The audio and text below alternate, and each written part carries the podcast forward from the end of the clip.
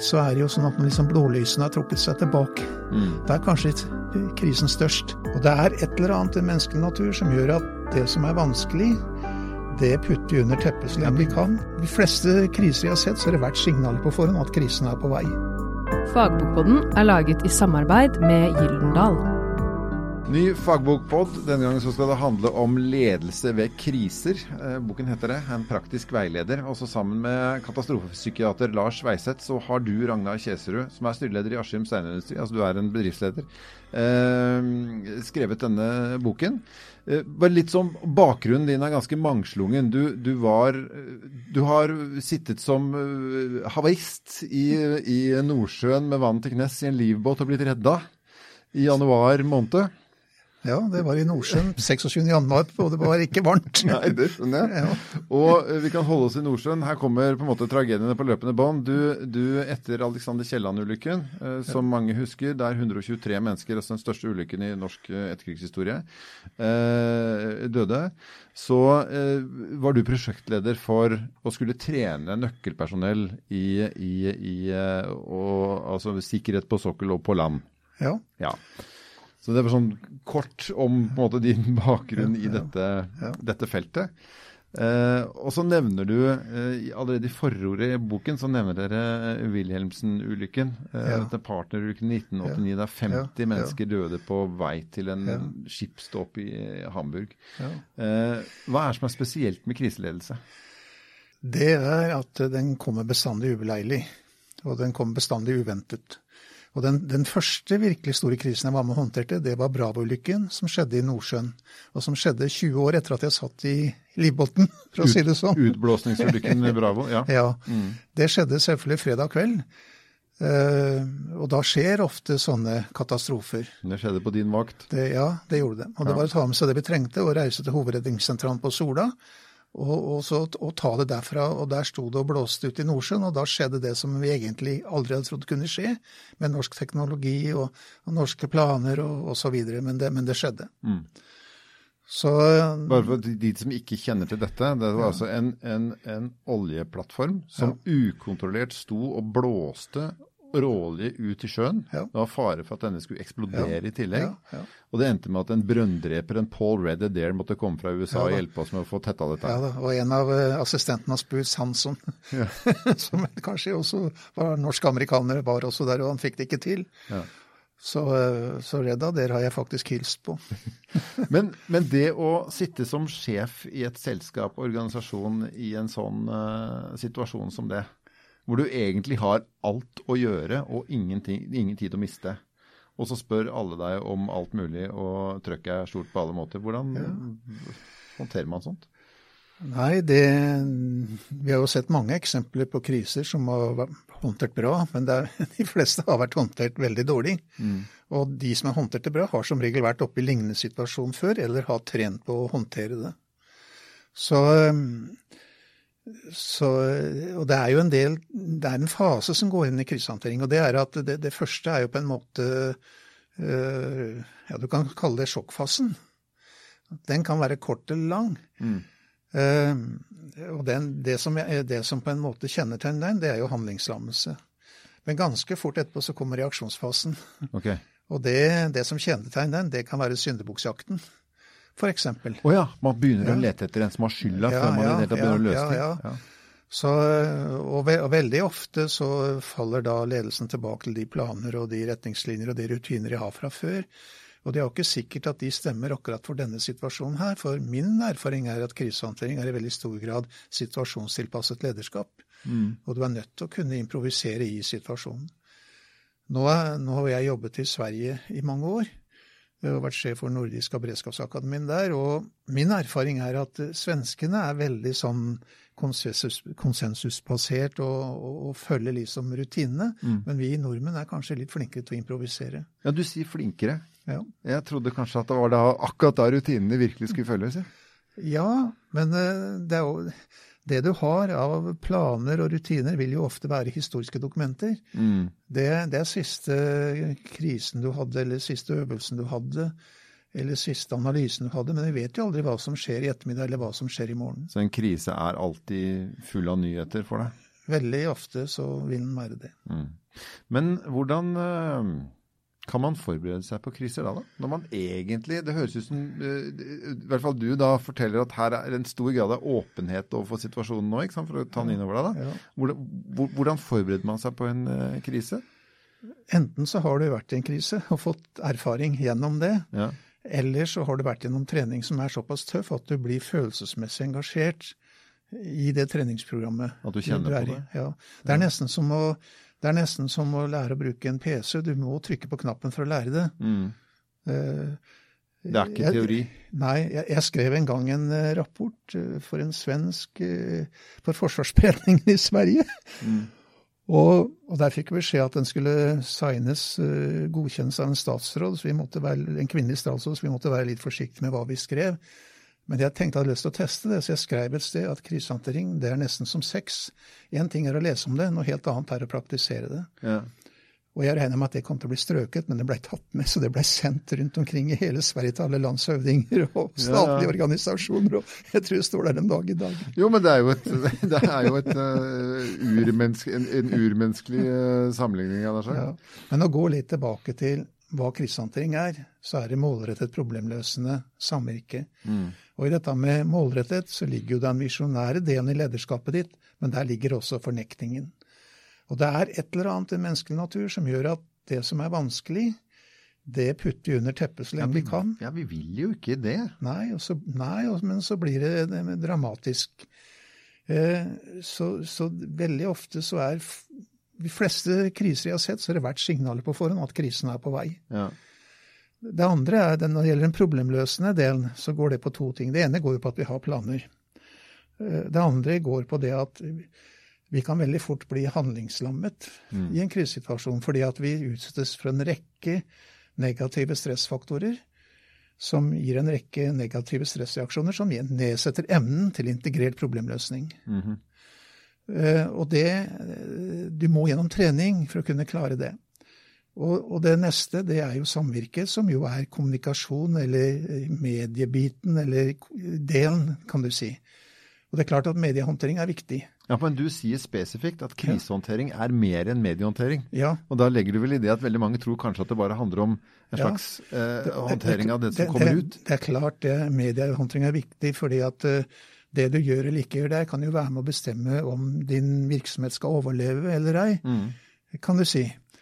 Men, eh, men for en leder så, så er det mye mer å tenke på enn mediehåndteringen, fordi at du skal, du skal ta deg av kundene dine, du skal ta deg av dine ansatte, hvis du har folk som er skadet, skal du ta deg av de pårørende, du skal ta deg av leverandørene dine. Mm. Det er bestandig noen som har finansiert virksomheten din, rent økonomisk, og de Og det- skal ha informasjon. Og Og det er en rekkefølge her, så dette Ja. skal bli musikalsk. Ja, disse skal ha det litt forskjellige innpakning, kanskje til litt forskjellig tid. Mm. Så det er, det er mye mer enn mediehåndtering, men det er klart det er viktig. Og er noe vi har erfart de senere årene, er hvor raske mediene er. Og, og dette har jo ikke blitt lettere sånn at vi fikk sosiale medier. Mm. Med medier som ikke har eh, ansvarlige redaktører, og det er konspirasjonsteorier ute og går og alt mulig sånt. noe. Så, så det, er, det er vanskelig. Men øh, øh, hva skiller på en måte øh, kriseledelse fra annen ledelse?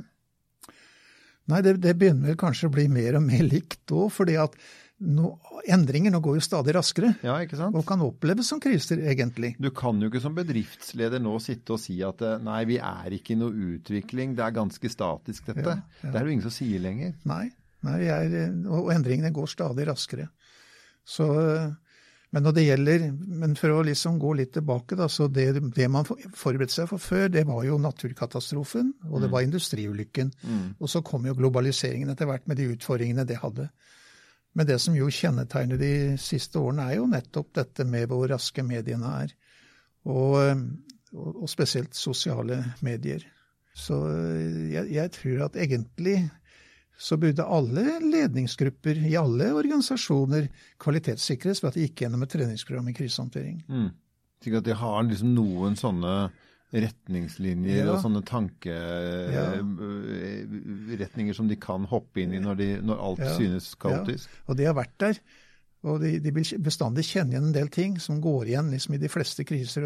Og, det var jo derfor jeg tror vi blei spurt av Gyldendal nå om vi kunne skrive eh, eh, om denne boken som vi skrev allerede i 2007, for de så at det var en del allmenngyldige Mm. eh, forhold Mm. som også går igjen nå. Det er bare at eh, typen kriser har endret seg noe. Mm. Men vi menneskene, vi er jo de samme. Ja, ikke sant? Vi står bare i et litt annet landskap, men utover Ja, det så er vi like. Ja, ja. Mm. Så, og det er derfor vi syns at eh, trening er viktig, da.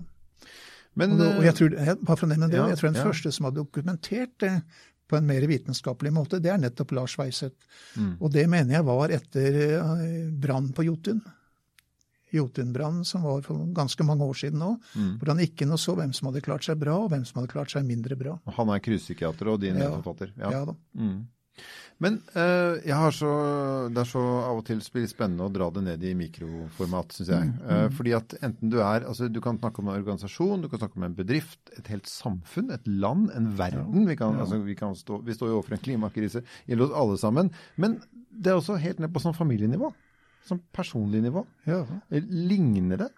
Måten vi forholder oss på det og føler på det på? Eh, personlige kriser kontra eh, kriser i eh, Ja, jeg, noe, som er større, da? ja, jeg tror at måten du reagerer på når du mister pårørende, f.eks., den sorgreaksjonen du har, kan være mye likt det som skjer i en, en bedrift, og som rammer en leder, f.eks. Så den type sett av følelser denne lederen må forholde seg til, Ja, det, det kan være det samme som om den, den, den ansatte måtte ha mistet noen. ja, så du, du, du, gjennom trening så bygger du også opp et emosjonelt lederskap.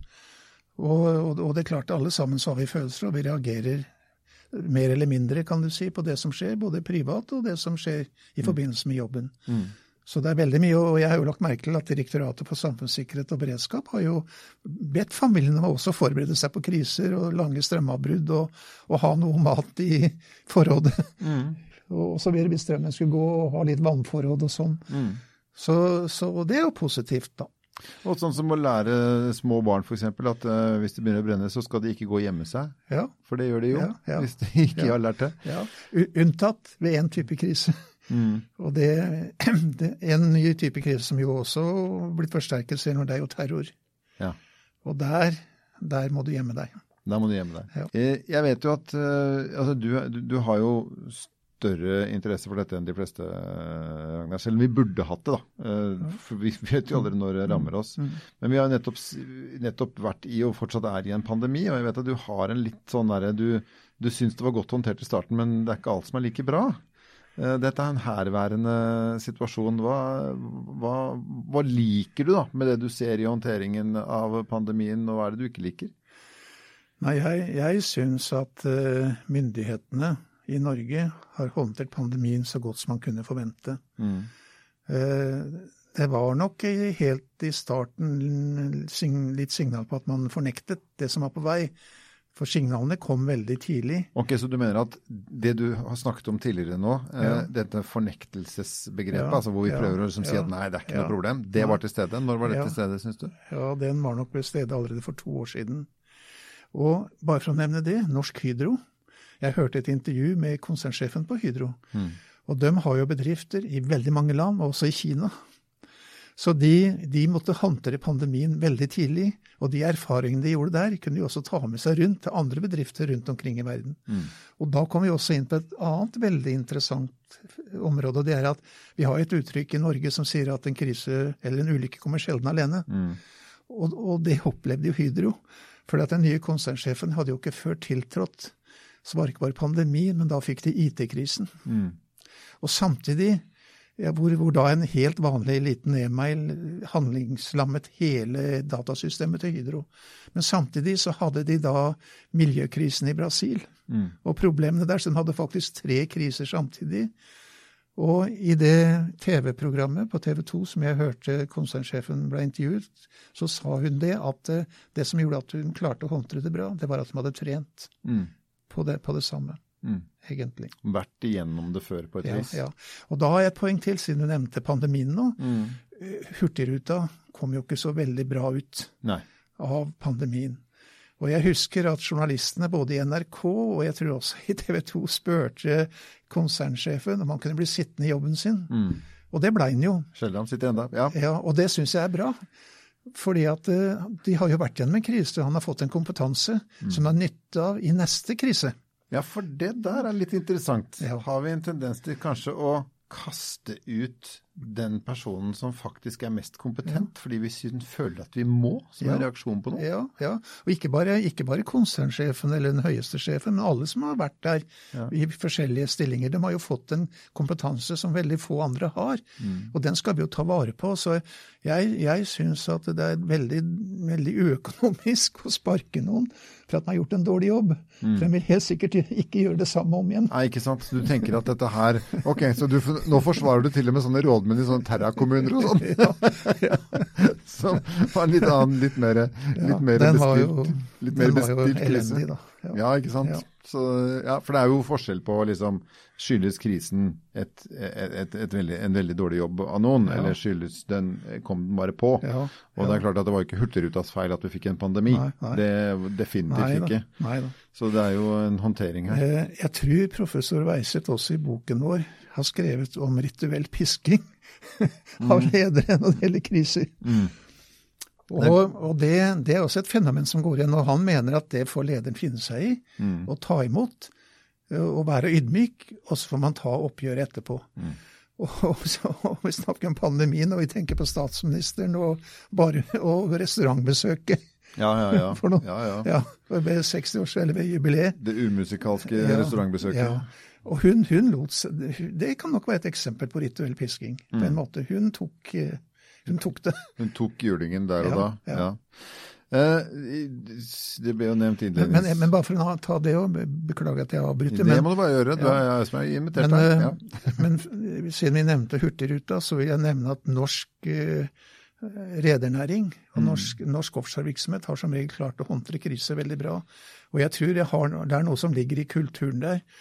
Og, og du nevnte i stad også Wilhelmsen. ja, det var den jeg skulle inn på igjen. Ja, ja, Ja. Både når det gjaldt part partnerulykken, men også den de hadde i forbindelse med eh, disse flyktningene som de tok mot, og som de fikk mange priser for håndteringen for. Bare, for, bare for å dra kjapt gjennom det, så eh, det er jo mange som sikkert hører på som ikke var født i 1989. Eh, Wilhelmsen skal altså sende av gårde 50 ansatte til Hamburg. De skal døpe et skip. Ja. Wilhelmsen et, et rederi. Ja, ja, Eh, de leier et fly. ja, Flyet styrter, ja, og 50 ansatte Ja. omkommer. Og, og de som ikke var med, de hadde fått en, eh, de hadde fått en trøstegevinst, og det var å gå i Nationaltheatret på kvelden. Mm. Og når eh, Fordi de ikke fikk være med på denne litt sånn famøse ja, turen. ja. Og så var det noen der som hadde vært med på flere skipstopper før, så de ga bort billetten sin, for de trakk jo, de trakk jo billetter i en hatt. Mm. Og de 50 som eh, var heldige, de kom jo da med. Mm. Og de andre fikk trøstegevinsten å gå i teater på Det var kvelden. 50 seter om bord på dette flyet. Ja, Mm. så ledig. Og, og eh, da, da Wilhelmsen fikk telefonen om, om det som hadde sendt, så gjorde han to ting. Han kalte inn sekretæren sin, og så ringte han til teatret og ba om at eh, de som var fra Wilhelmsen, måtte møte et spesielt sted eh, i første pause og komme ned på hovedkontoret.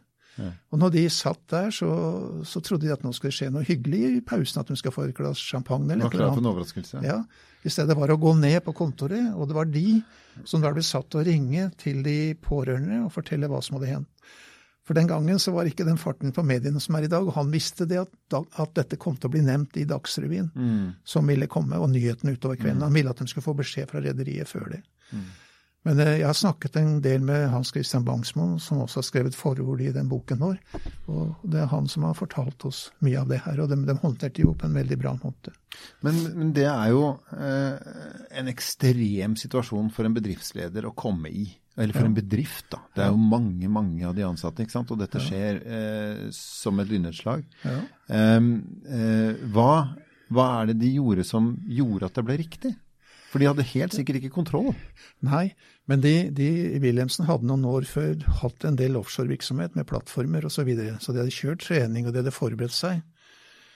Og, og eh, egentlig et, eh, Wilhelmsenland var jo et datterbolag til konsernet, og egentlig så skulle ikke de ha overlevd, egentlig. De mistet så stor del av nøkkelpersonellet sitt.